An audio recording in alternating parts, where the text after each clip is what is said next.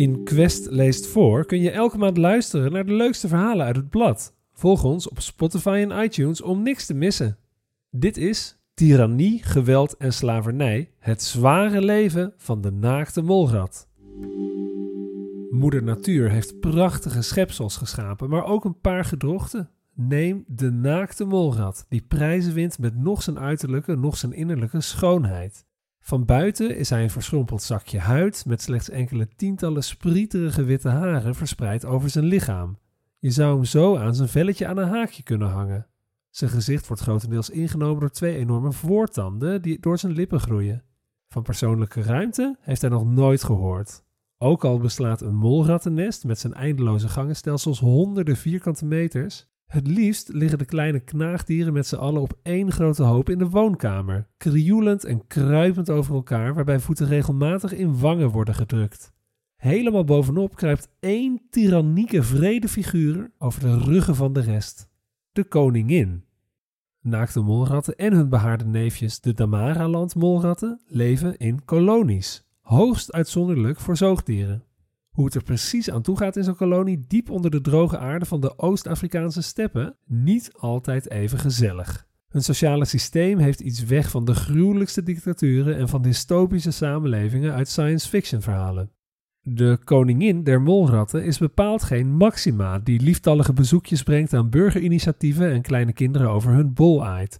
Onder haar heerschappij gaan haar onderdanen gebukt onder de meest immorele praktijken zoals massale sterilisatie. Het enige vrouwtje met het voorrecht om zich voor te planten is zijzelf. Dat doet ze met een handjevol uitverkoren mannetjes, vaak een stuk of drie. Zij vormen haar harem. Bij de rest van de mannetjes en vrouwtjes zorgt de koningin eigenhandig voor onderdrukking van de seksuele ontwikkeling. Hoe ze dat doet? Puur door zich afschrikwekkend te gedragen, vertelt Chris Fawkes, ecoloog aan de Queen Mary University of London. Hij doet al meer dan 20 jaar onderzoek naar de uitzonderlijke knaagdieren. De vorstin patrouilleert als een vervelende baas heen en weer door het hol en intimideert iedereen die haar pad kruist. De andere molratten staan door haar toedoen eigenlijk onder continue stress, zegt Volks. En dat doet hun libido de das om. Hersengebieden zoals de hypothalamus, die betrokken zijn bij de hormoonhuishouding, raken hierdoor beïnvloed. Daardoor wordt vanaf de puberteit de seksuele ontwikkeling van de geslachtsorganen geremd, terwijl de rest van het lichaam op een normale manier volwassen wordt. De steriele mannetjes en vrouwtjes in de kolonie doen vooral dienst als werkers. Zij graven de tunnels, zoeken naar eten, houden een oogje op de kleintjes en beschermen het nest. Maar dat betekent niet dat de koningin de hele dag op haar gat ligt om zich op haar wenken te laten bedienen. Koningin zijn en vooral blijven is hard werken. Folks zegt: We hebben naakte molratten twee tot drie jaar gevolgd met onder de huid aangebrachte chips. Hierbij bestudeerden we nauwkeurig hoeveel elke molrat beweegt.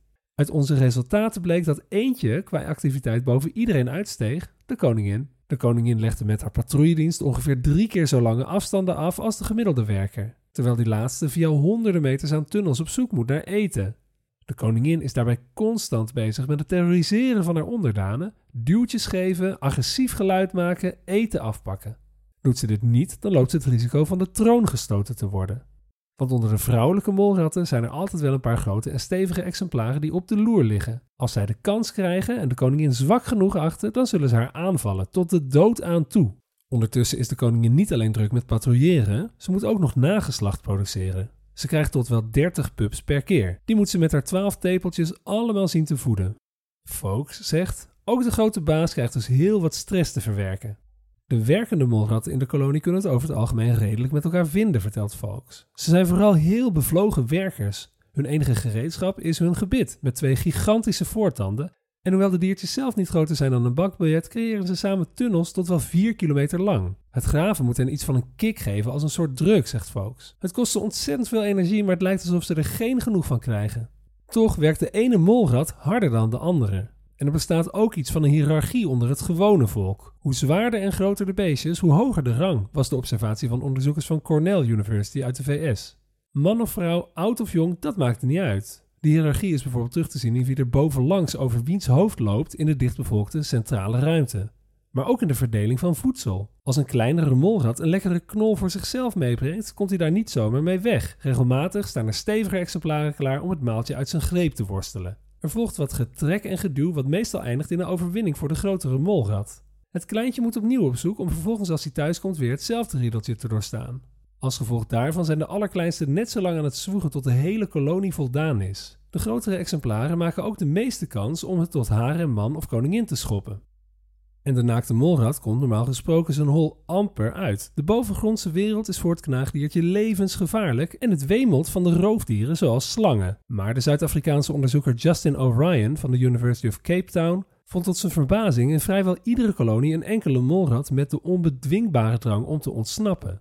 Deze Houdini's, zoals hij ze doopte, doken soms op plaatsen op die mijlenver van een kolonie lagen. Waarom ze op zulke verre plekken stranden was een raadsel. Iets wat leek samen te hangen met dit vluchtgedrag was hun opmerkelijke fysiologie. Hun huid was voorzien van een dikke vetlaag. Ook gierden de geslachtshormonen door het lijf van deze mannetjes, terwijl het niet ging om molratten die bijdroegen aan de voortplanting. Ze weigerden zelfs enig seksueel contact met hun nestgenoten. Ook leken ze weinig toe te voegen aan de arbeid, iets dat bij iedere andere molrat afgestraft zou worden door de koningin, maar op de een of andere manier bleven deze vreemde dikzakjes ongeschonden. Orion wilde uitzoeken wat deze Houdini's bezielde en besloot met ze te experimenteren. Hij haalde ze weg uit hun eigen kolonie en plaatste ze in een andere. Normaal zou een molrat meteen maken dat hij wegkomt, naken molratten zijn extreme xenofoben. Ze haten molratten die uit een ander nest komen. Eerdere experimenten lieten zien dat het introduceren van een vreemde molrat in een kolonie doorgaans eindigt in een bloedbad. Maar met het loslaten van een Houdini in een vreemde kolonie gebeurde het tegenovergestelde. Zodra hij het nieuwe nest binnentrad, begon hij als een gek iedere molrat die hij kon vinden te bereiden.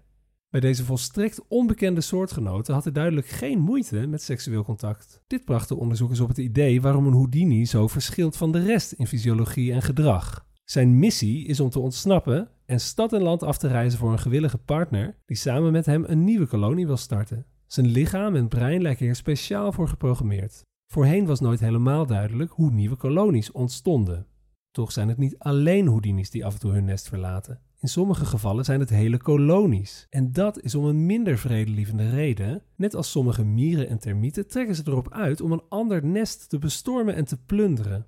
Folks zegt: Voedsel vinden en een groot nest bouwen kost veel tijd en energie, dus kiezen sommige kolonies ervoor om gewoonweg een ander nest, inclusief voedselvoorraad, in te nemen. Dit verschijnsel werd voor het eerst gezien in 1994. Tijdens een veldstudie van de Washington University in de VS werd een groepje molratten op heterdaad betrapt bij het belagen van een concurrerende kolonie. De Amerikaanse onderzoekers waren al jarenlang bezig met het markeren en volgen van verschillende kolonies, toen ze in een nieuw ontdekt nest molratten tegen het lijf liepen die er duidelijk niet thuis hoorden. Deze exemplaren waren in een ander nest al eerder gemarkeerd. Verderop vonden ze in een van de gangen een gehavende koningin met wonden over haar hele kop, het gevolg van een hevige strijd. De onderzoekers waren bij toeval gestuurd op de restanten van een slagveld. Het jaar erop brachten de onderzoekers het veroverde nest weer een bezoekje en deden nog een lugubere vondst. Een aantal molratten dat in het oorspronkelijke nest was geboren, bleek niet te zijn verjaagd zoals de rest van de groep. In plaats daarvan waren ze als kleine pups gekidnapt en tot slaaf gemaakt. In de kolonie van de gijzelnemers werden ze nu ingezet als werkers. Volgens Valks is het kidnappen van pups voor de molrat een voordelige manier om de groep uit te breiden. Je steekt geen energie in de voortplanting, maar hebt wel een paar extra handen of tanden tot je beschikking. De vrede praktijken van de naakte molrat zijn ook de mens niet vreemd. Maar mochten we toch ambities ontwikkelen voor het stichten van een vredelievende samenleving, dan hoeven we geen voorbeeld te nemen aan deze gerimpelde zakjes huid. Dit verhaal staat in Quest editie 12 van 2021. Benieuwd naar alle Quest-verhalen? Kijk voor een abonnement of losse exemplaren op shop.quest.nl. .nl